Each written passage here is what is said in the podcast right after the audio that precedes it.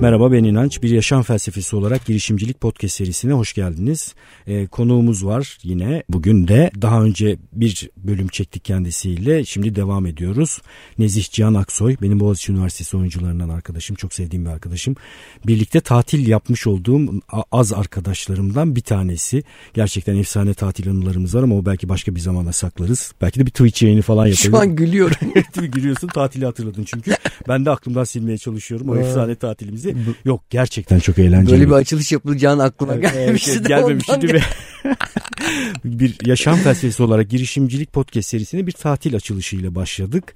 Ee, Cihan'la sohbete devam edeceğiz. Bir önceki bölümde söylemiştim. Üniversite gençliğiyle ilgili konuşmak istiyoruz özellikle. Ee, bu yakın dönemde ben Karabük Üniversitesi'nde bir girişimcilik e, sunumu yaptım. Söyleşisi yaptım. Karabük Üniversitesi Türkiye'deki ilk girişimcilik bölümünü, lisans bölümünü açan üniversite çok canavar bir ekip vardı. Gerçekten çok keyifli geçti. Çok güzel sorular geldi ve oradan gelen sorular özellikle yaşam kurgusuna dair sorulardı. Buna çok dikkat ettim ben. E, Cihan da buna katılır mı bilmiyorum ama bizim dönemimizde biz daha seyrektik bizim gibi insanlar. Yani bir an önce okulu bitirelim de kariyer basamaklarını tırmanalım mı çok dert etmeyen, e, yetişkin olmaya koşturmayan, okulun, üniversitenin keyfini tadını çıkaran, oyunculuk yapan, e, dağcılık yapan, kulüplerde çalışan, keyfine bakan insan sayısı daha azdı. Şimdi bakıyorum biraz bu tersine dönmüş durumda. Bir an önce bitireyim de kurumsalda kariyer basamakları tırmanayım diyen insan sayısı çok azalmış durumda. Bizim eski versiyonumuz daha da fazlalaşmış durumda. Onun için insanın kendi yaşam kurgusunu oluşturmak üzere doğru düşüncelerle, fikirlerle tanışmasını önemli olduğunu düşünüyorum.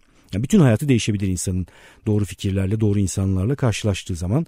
Cihan'ın da böyle ilham verici bir insan olduğunu düşünüyorum. Biraz böyle üniversite döneminden konuşalım mı? Yani sen, senin için üniversite dönemini özel kılan neydi? Şu anda üniversite okuyan gençlere ne öneriyorsun? Bir sorun daha var unutmayalım. Özellikle aile baskısından çok bahsediyorlar. Yani ben daha uzatmak, biraz daha keyfini çıkarmak istiyorum ama ailem bir an önce ekonomiyi oluşturmamı Hı-hı. istiyor. Bu durumda ne yapacağım diye sorular geldi bana. Biraz bu konulardan bahsedelim. Ee, ilk ilkinden başlayalım. Üniversiteyi farklı kılan ne oldu benim için? Ben e, çok ben ODTÜ gıda mühendisliğine girmiştim daha önce. Evet. Bıraktım tekrar sınava girdim. Çok iyi bir dereceyle girdim Boğaziçi'ne. Siyaset bilimi uluslararası ilişkiler bölümüne. Çok enteresan bak orada da yine bir e, karşı sezgi karşı bir hareketin var. Yani evet. ODTÜ'yü bırakıp. Evet evet. ODTÜ'ye gittiğimde ilk defa bizim ailemizdeki politika dışında bir politik dünyanın varlığını görmüştüm ve kendi yaşıtlarımdaki o politik karşılığı görünce e, oraya dair bir ilgi başlamıştı Politize bende. oldun yani direkt. Politize oldum. Aslında evde de politizeydim biraz ama başka bir tarafta politizeydim. Neyse o nedenle işletme, ekonomi bile puanım tutuyordu. Siyaset bilimi birinci tercihim için oraya girdim. Bölüme girdim, ilk derse gittim. Dedim ki üniversite böyle olmaz. Ya ben de aynı şeyi düşündüm. Bak, birinci dersin birinci günün daha ilk derste. Aynı şeyi hissettim. E, çünkü e, 100 kişiyiz. Ruhsuz bir ortam. Bir de yani hani adı üstünde de tırnak içinde Boğaziçi falan hani yani Ama şey e, Cihan dünyada da böyle biliyor musun? Ben işte Muhtemelen bu online yani. bir takım masif kursları takip ediyorum. Yale'den, Harvard'dan bir takım kurslara giriyorum. Sunumu açıyor birisi ve işte karşısındaki insanlara bir şeyler anlatıyor orta çağdan kalma bir yöntem ve üniversitede kurumsal çöktüğü gibi üniversitede çöküyor diye düşünüyorum. Yani çöküyordur çünkü bu mevzu bitmiş 1500 yıldır bu şekilde öğreniyoruz evet, ya. Evet evet. Hani bu sınıfa giriyoruz. Evet. Birinin yüzüne bakıyoruz hepimiz. Ha, o bir şey anlatıyor. Bakıyoruz. Sen not alıyorsun. 1500 yıldır böyle. Bunun zaten değişmesi lazım. Bence bu ayrı bir podcast konusu, konusu bence. olabilir evet. Hani bu üzerine çünkü ben de çok her gün konuşuyoruz, sohbet ediyoruz şunu gördüm. Bak mesela ben birkaç ders hatırlarım. Seni en, etkileyen. Evet, Andrew Davison diye bir yabancı hoca vardı. Yıllar sonra Kaş'ta plajda karşılaştık kendisiyle. Oo çok güzel. Mayolu mayolu halinde biliyorsun evet, yani. Evet şey e, bir ödev vermişti. Aristofanes'in bir oyunuyla ilgili bir ödev yapmıştık. Mesela onu hiç unutmam. Hatta geçen gün ödevi de buldum. Kerem Karaboğa'ya gidip şey yapmıştık. Çok tersine bir şey öğrenmiştim. Sıra dışı bir e, evet. kurguya vermişti sonuçta. Evet, yani o hep böyle özgürlük savaşçısı olarak anlatılır. Halbuki de o isim hayır o muhafazakardır dedi sistemi korumaya çalışmıştı. Ben böyle şey olmuştum. Ters köşe. Evet ters köşe olmuştum. Brecht'in oyunlarında vardır ya Heh, böyle şeyler. Evet orada mesela öğrenmeye başladığım bir şeydi. Bak şimdi çünkü kendi hayatımı aktardığım bir deneyim oldu. Çok güzel. Ondan sonra. Dolayısıyla onu unutmam. Bir ders daha var. Onu unutmam. O da yabancı bir hocaydı. Bir de bir Avrupa Birliği dersi vardı. Hani o çok gümrük birliğine girdiğimiz dönemde ben öğrenciyim. 99 mu 98? Teknik bir dersti herhalde bu söylediğin. Evet Avrupa Birliği entegrasyonu ile ilgili bir dersti.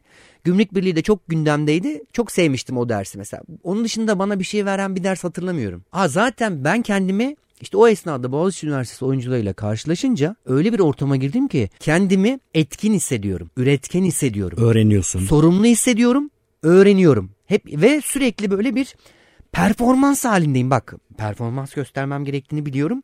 Ona göre çalışıyorum. Yani, yani ikinci yıldan sonra bir de idari e, görev almıştım. Kulüp başkanlığı yapıyordum. Kulübün tüm idari işleri, idareyle olan ilişkiler. Vücut çalıştırıcısıyım, çalışma hazırlamam lazım. Reji kadrosundayım, oyun hazırlığı, yenilerle ilişkiler, başka kulüplerle ilişkiler, kulübe para vesaire o kadar çok sorumluluğum var ki. Temel problem bu biliyor musun? Üniversitede kendi bölümü içerisinde insanlar bu zorlanmayı yaşayamıyorlar. Mümkün değil yaşaması zaten. Mümkün değil ya bak ben öğrenci olup da bölümüyle klasik öğrenci e, psikolojisi ilişkisi dışında bir ilişki kuran görmedim. Proaktif mi demek lazım? Proaktif bir öğrenci belki bir tane görmüşümdür. Çünkü ne yapıyorsun? Not alıyorsun, yiyorsun, sınava giriyorsun, bitiyorsun. O nedenle havalı havalı mezun olduktan sonra şirkete gittiklerinde çalışmak için gittiklerinde böyle Sudan e, çıkmış balığa dönüyor değil mi insanlar? Evet ben mal 3 ay ilk işe girdiğimde 3 ay mal dizdim rafa. Marketleri geziyorum kontrol etmek için. Ondan sonra e, küçük biz de gidelim de küçük markette veriyorlar öğrenelim diye. Küçük markette de eleman yok. Aa, ra- malın rafta yok. Rafa şey yapıyorsun. Mal, Sonucu değiştirmek için çünkü performansını arttırman lazım değil mi? Evet. Ko- şeye geçtim. Diğer global şirkete geçtim. Bana kiler kileri verdiler. Kilerin haramiyle de deposuna gittim inanç. Benden önceki satışçı 150 bin liralık mal verip Hepsi depoda mı duruyor? Aralık ayında Aralık ayında e, hedefi tutmak için 150 bin liralık malı vermiş. Biz Şubat'ta gittik. Aralıktan beri malı orada duruyor. Malları kamyonlara yüklettik ki mağazalara dağılsın diye. Kravat takım elbiseyim. Her tarafım toz içinde adamlara yalvarıyorum. Çok abi enteresan. bir şey diye. söyleyeyim bu arada. Benim burada podcast'te çok verdiğim bir örnek. Şu an günümüzde raflarda duran bir diş macunundan çok daha iyisini 5 tane üniversiteli genç bir araya gelip kimya bölümünden üretebilirler. Ama hiçbir önemi yok. O diş macununu rafa koyamazsın. Evet. Ee, Cihan gibi birini çalıştıramazsın vesaire vesaire değil O mi? çok önemli bir şey söyledi. Yani çok efsane bir orada dağıtım e, alanı var. Hayat ya bak diyorum ki yani şimdi ben evet satış müdürü falan bilmem ne. Benim hedefim ne?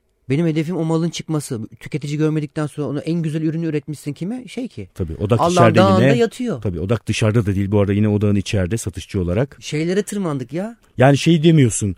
Yahu bu Benim buradaki işim değil. ha yani bu marketin sorumluluğu değil mi bu? Aldığı ürünü rafa koyması lazım. Abi yani Araba işte- nerede para nerede? Kesinlikle. Neyse üniversiteye geri dönelim abi. Üniversitede e, ben şunu tavsiye ediyorum abi gençlere. Artık bilginin bir kıymeti yok.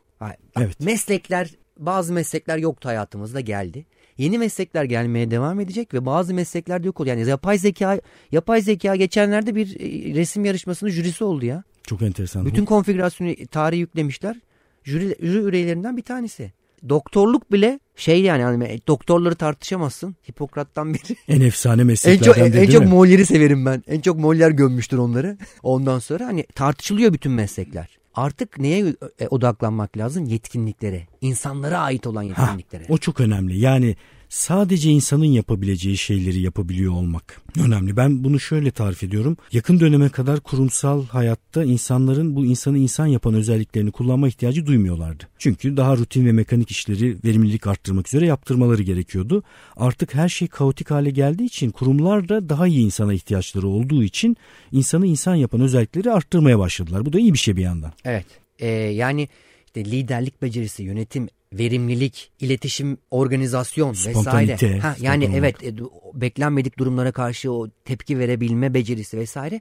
Bu alanlardaki yetkinliklerini arttırabilmeleri için sınıftan çıkmaları lazım. Evet çok güzel. Kulüpler, e, Kulüp sosyal olur? faaliyetler. Vakıf mı olur, sosyal faaliyet mi olur, ne yapıyorsun? Hayatın içine karışmalı yani. Otobüs kiralayacak abicim, otobüs, otobüs. Bak yani turneye gideceksin, otobüs kiralayacaksın. Ben bir tane anımı anlatayım sana. Tabii. Gittim e, ucuz diye bir yer bir yer buldum. Ondan sonra adamın vergi borcu varmış devlete. Bizim okulda parasını ödemedi. Adam fellik fellik beni arıyor. Çok iyiymiş yalnız. Bunu Ben ondan ben. sonra ondan sonra öğrendim ki adamı şimdi siz yani vereceksiniz sizi, diyor. sizi taşıdı. Bizi taşıdı götürdü Parasını parasını, almaya geldi okula. Okulda dedi ki senin vergi borcu varmış. Vergi borcunda e, şey yaptık onu ödedik vergi dersini ödedik. Devletin öyle bir politikası var. E tabii doğru. Şimdi tamam mı? Adam diyor ki nasıl olur böyle bir şey falan. Siz vereceksiniz bana. Abi biz veremeyiz. Biz öğrenciyiz nereden vereceğiz? Ha, Yalvar yeker adamı ikna et. Ama ondan sonra her gittiğim yere diyordum ki abi bak vergi borcun varsa tamam mı? Paranı alamazsın bak söyleyeyim. Ona göre ben senden alışveriş yapmayayım diye. Şimdi Aslında bunları bu ön- öğrenmek lazım. Okulun aslında bu arada bunu önden istemesi gerekiyor Yani- ama İşte Olmuyor. orada da na- denetim odağının nerede Evet, olduğu alakalı. evet, Sen ya. yani bir işini çözmek için onu bırakırsan evet. o otobüs gelmez abi Onun- binemezsin. Aynen öyle proaktif davranacaksın. Bu işi çözmek üzere otobüs nerede para nerede olmasın ondan sonra. O nedenle sınıftan çıkacaklar, sorumluluk alacaklar. E, uzmanlık alanlarını arttırmaları lazım bak. Sanatla özellikle yaratıcı faaliyetlerle. Kesinlikle yani hani fikir çok önemli olduğu için yani yaratıcılığı destekleyen bir alan sanat tabii. Ama şu var mesela hibrit modeller artacak. Sadece araba olmayacak hibrit. Hibrit profesyoneller olacak. Hibrit profesyonelizm diye söyleyemedim ama. Hibrit profesyonelizm diye Ya ben de biraz Google. Google, Google etsinler. Tabii. Bunun örnekleri var. Ben çok beğendiğim bir örnek vardır. Bir kadın yıllarca hastane yöneticisi olarak çalışıyor. Ardından kariyerinin önemli 40'lı yaşlarında bir e, tasarım iç mimari eğitimi alıyor ve bir hastane tasarlıyor. Bugüne kadar hastaneyi hastane deneyimi olmayan mimarlar tasarladığı için hastane dünyasına dair bir fikirleri yok. Efsane. Kadın trafiği, konumlanmayı, dünyayı bir değiştiriyor ki ödül alıyor vesaire. Bak şimdi buna hibrit hibrit deniyor. Buna. Çapraz ilişki işte ya. Yani Evet. daha önce ilişkilendirilmemiş şeyleri ilişkilendirdiğin anda daha önce konuşmuştuk Mavi Okyanus stratejisi. Yani Kızıl Okyanus artık herkesin her şeyi benzer şekilde yaptığı, rekabetin bir insanları birbirine e, düşürdüğü, sıkışmış alanlar yerine yeni alanlar tarif etmek lazım. Senin bahsettiğin bu hibrit profesyonelizmde bunu sağlayan bir şey. Yani mimar her yerde var. Evet. Doktor da her yerde var ama mimar doktor Yok. her yerde yok. Tabii tabii. Kesinlikle yani bu bunu bulmak gerekiyor. Bu yani uzmanlık mesela bak pazarlama da öyle artık. Şimdi dijital 5-6 yıldır çok yüksek çok hızlı gelişti. Tabii sadece pazarlama bilmek Ha. yetmiyor artık. Şimdi ya da medya satın alma. Şimdi bak sen bir medya satın almacısın. Uzun yıllardır çalışıyorsun. Ama dijital taraftaki medya satın almayı bilmiyorsun. Şimdi kağıt üstünde senin tercih edilme şansın her geçen an azalıyor. Bir medya satın almacısı. Medya satın alma nedir? Billboard, gazete, televizyon. Konvansiyonel bunlar. Artık hayat dijitalliğin kaydı. Sen bunu öğrenmezsen bir medya planlamacı olarak hayatına devam etme şansın yok. Pazarlamacısın. Tamam mı? Hem pazarlamayı bileceksin, psikoloji bileceksin. Bir ürün yönetimi varsa yani bireyle yani doğrudan tüketiciyle çalışan Davranış değiştirme, ikna etmen evet. gerekiyor çünkü. Ondan sonra dijitali bileceksin. Bunları arıyor artık şirketler. Ben şeyi de öneriyorum bu arada. Bir refleks olarak eski nesillerde şu olmuştur hep gözlemlemişizdir. Kendi nesil, nesil kaybını biraz böyle sakinlikle karşılar. Yani ben anlamıyorum ondan der. Ne Evet. bileyim işte. Bizim bunu demememiz gerekiyor.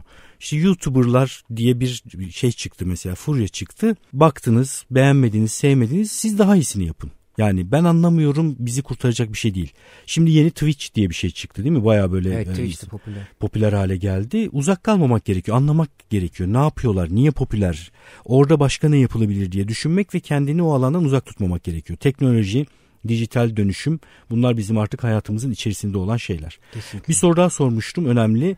Çok geldi çünkü e, Karabük Üniversitesi'nde girişimcilik bölümünde okuyan öğrencilerden e, aile baskısı var diyorlar. Haklı da aileler bu arada kendileri açısından yani bir ekonomi oluşturuyorlar. Çocuklarını okutmak üzere bazı durumlarda da şehir dışına gönderiyorlar. Yurt parası ödüyorlar ve hayatını karşılıyorlar. Ne öner önerirsin? Var mı bir önerin? Öneremeyebilirsin bu arada bilmiyorum yani. Vallahi- Zor bir durum çünkü.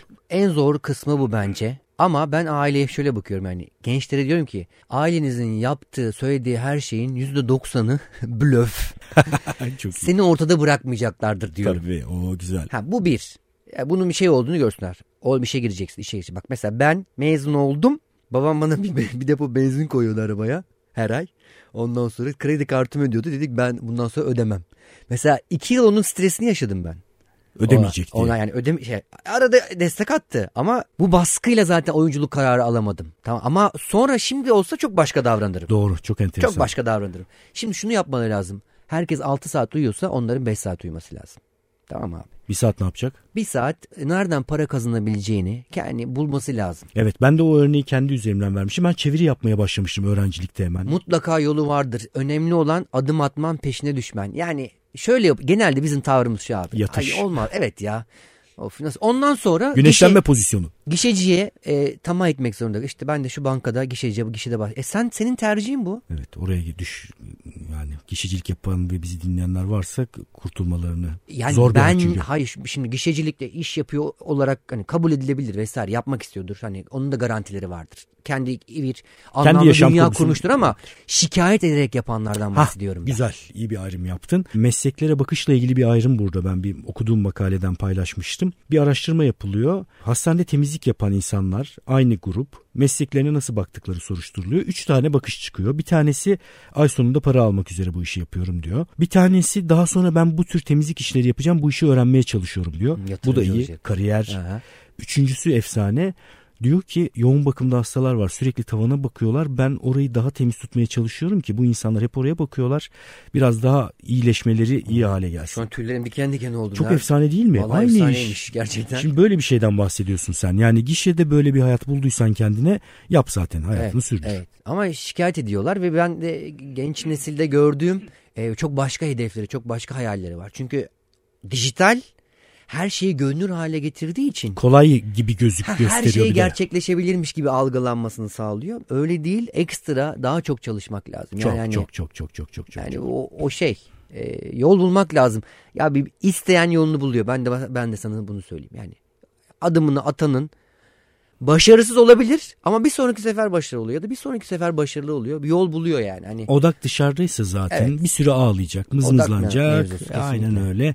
Ondan sonra e, hayatın akışına kendini kaptıracak ve nefret ettiği bir işi yaparak hayatını tamamlayacak. Benim öyle anlattığım bir sahne vardır. Elektrik faturasında 80 yaşındasın.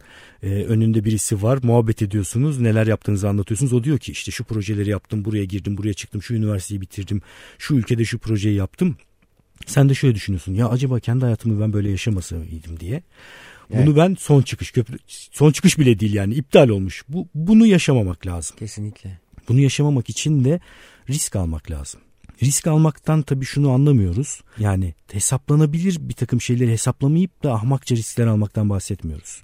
Sadece öngöremeyeceğiniz tarafını biraz akışa bırakmaktan bahsediyoruz ama planlama yapmak, hesap yapmak, Evet. riskleri bertaraf etmeye çalışmak, proaktif davranmak, akıllı olmak, öğrenmeye devam ediyor olmak bunların hepsi zaten bulunacak.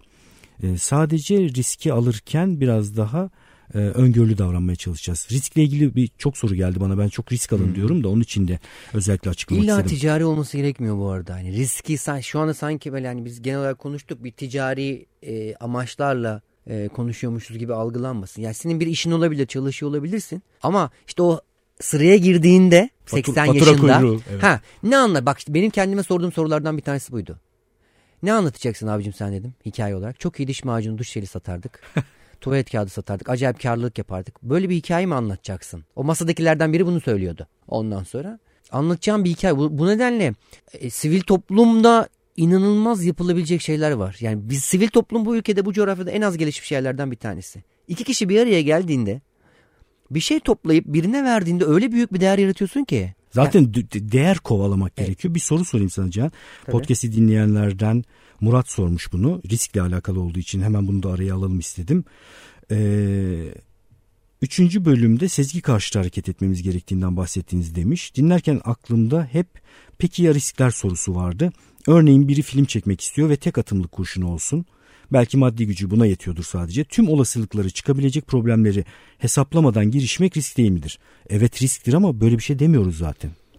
Evet. Ta- tamamen bunu söylüyoruz. What is risk? This, this is risk.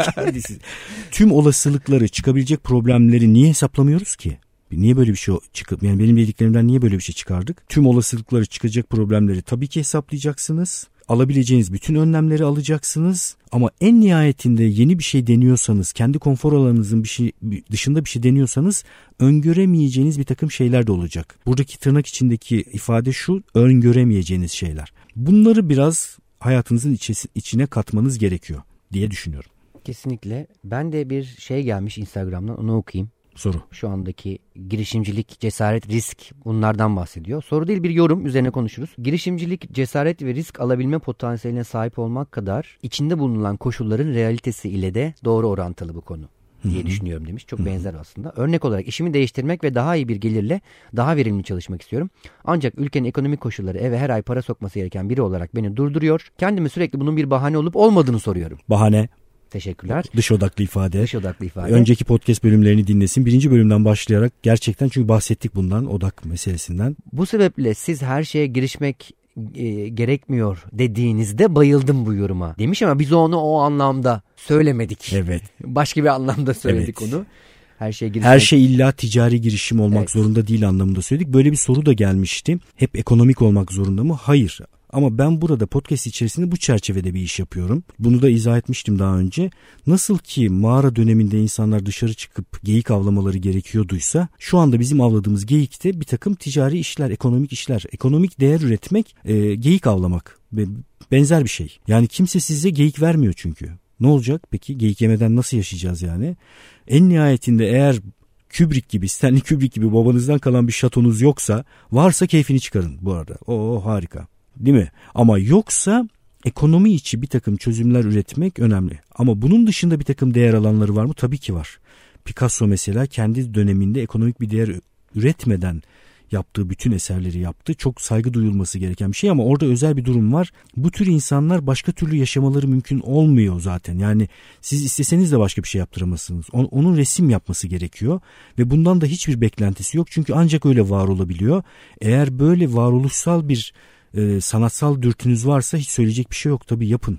Kafka da yine sefalet içerisinde değil mi yaşadı? Romanlar yazdı. Tarih, Dostoyevski sef, tarih onlarla dolu ya. do- çok saygı duyulası insanlar kendinizde böyle bir ışık görüyorsanız yapın ama güneşlenerek çünkü bu insanların en önemli bir özelliği de çok çalışmış olmaları. Ben bir dönem e, Van Gogh'un kardeşiyle yazışmalarını, mektuplarını okudum. E, böyle tüyleri ürperten bir takım şeyler var. Yağmuru, ışığı resmetme, resmetmeye çalışıyor. Bir takım manzaraları resmetmeye çalışıyor. Sergi gezemediği için oradan e, bir takım tabloları eskiz olarak çizip ona göndermesini falan istiyor. Böyle efsane çabalar var işin içerisinde. Ben e, bu yaklaşımda olanlara şunu öneriyorum her zaman. E, kendini bir ürün olarak düşün ve bu ürünün güçlü yönleri ve zayıf yönleri ne, ne diye. Bak şimdi bizim eğitim sistemimizde bize şunlar söylenmiyor. İnatçım sen e, şöylesin. Bir, bir bilmeden yetişiyoruz. Yani kendimize dair bir şey öğrenmeden yetişiyoruz. Bak, Kendimize dair bir şey öğrenmeden yetişiyoruz kesin. bilgi bilgi bilgi duygusal zeka nedir bilmiyoruz vesaire yani toplum ilişkisi kendimize dair farkındalık Benim falan yok. akademisyenleri topa tutma nedenim biraz da budur bu arada. Çünkü bir bilgi kümesinde efsane bilgiler edinip kendine dair sıfır bilgiyle Evet. profesörlük yapınca efsane sonuçlar ortaya çıkıyor. Gidip gidiyor sorun. Beş kişi seç- seçin. Beş kişiye sorun sizin hakkınızda. Güçlü yönlerinizi toplamaya çalışın.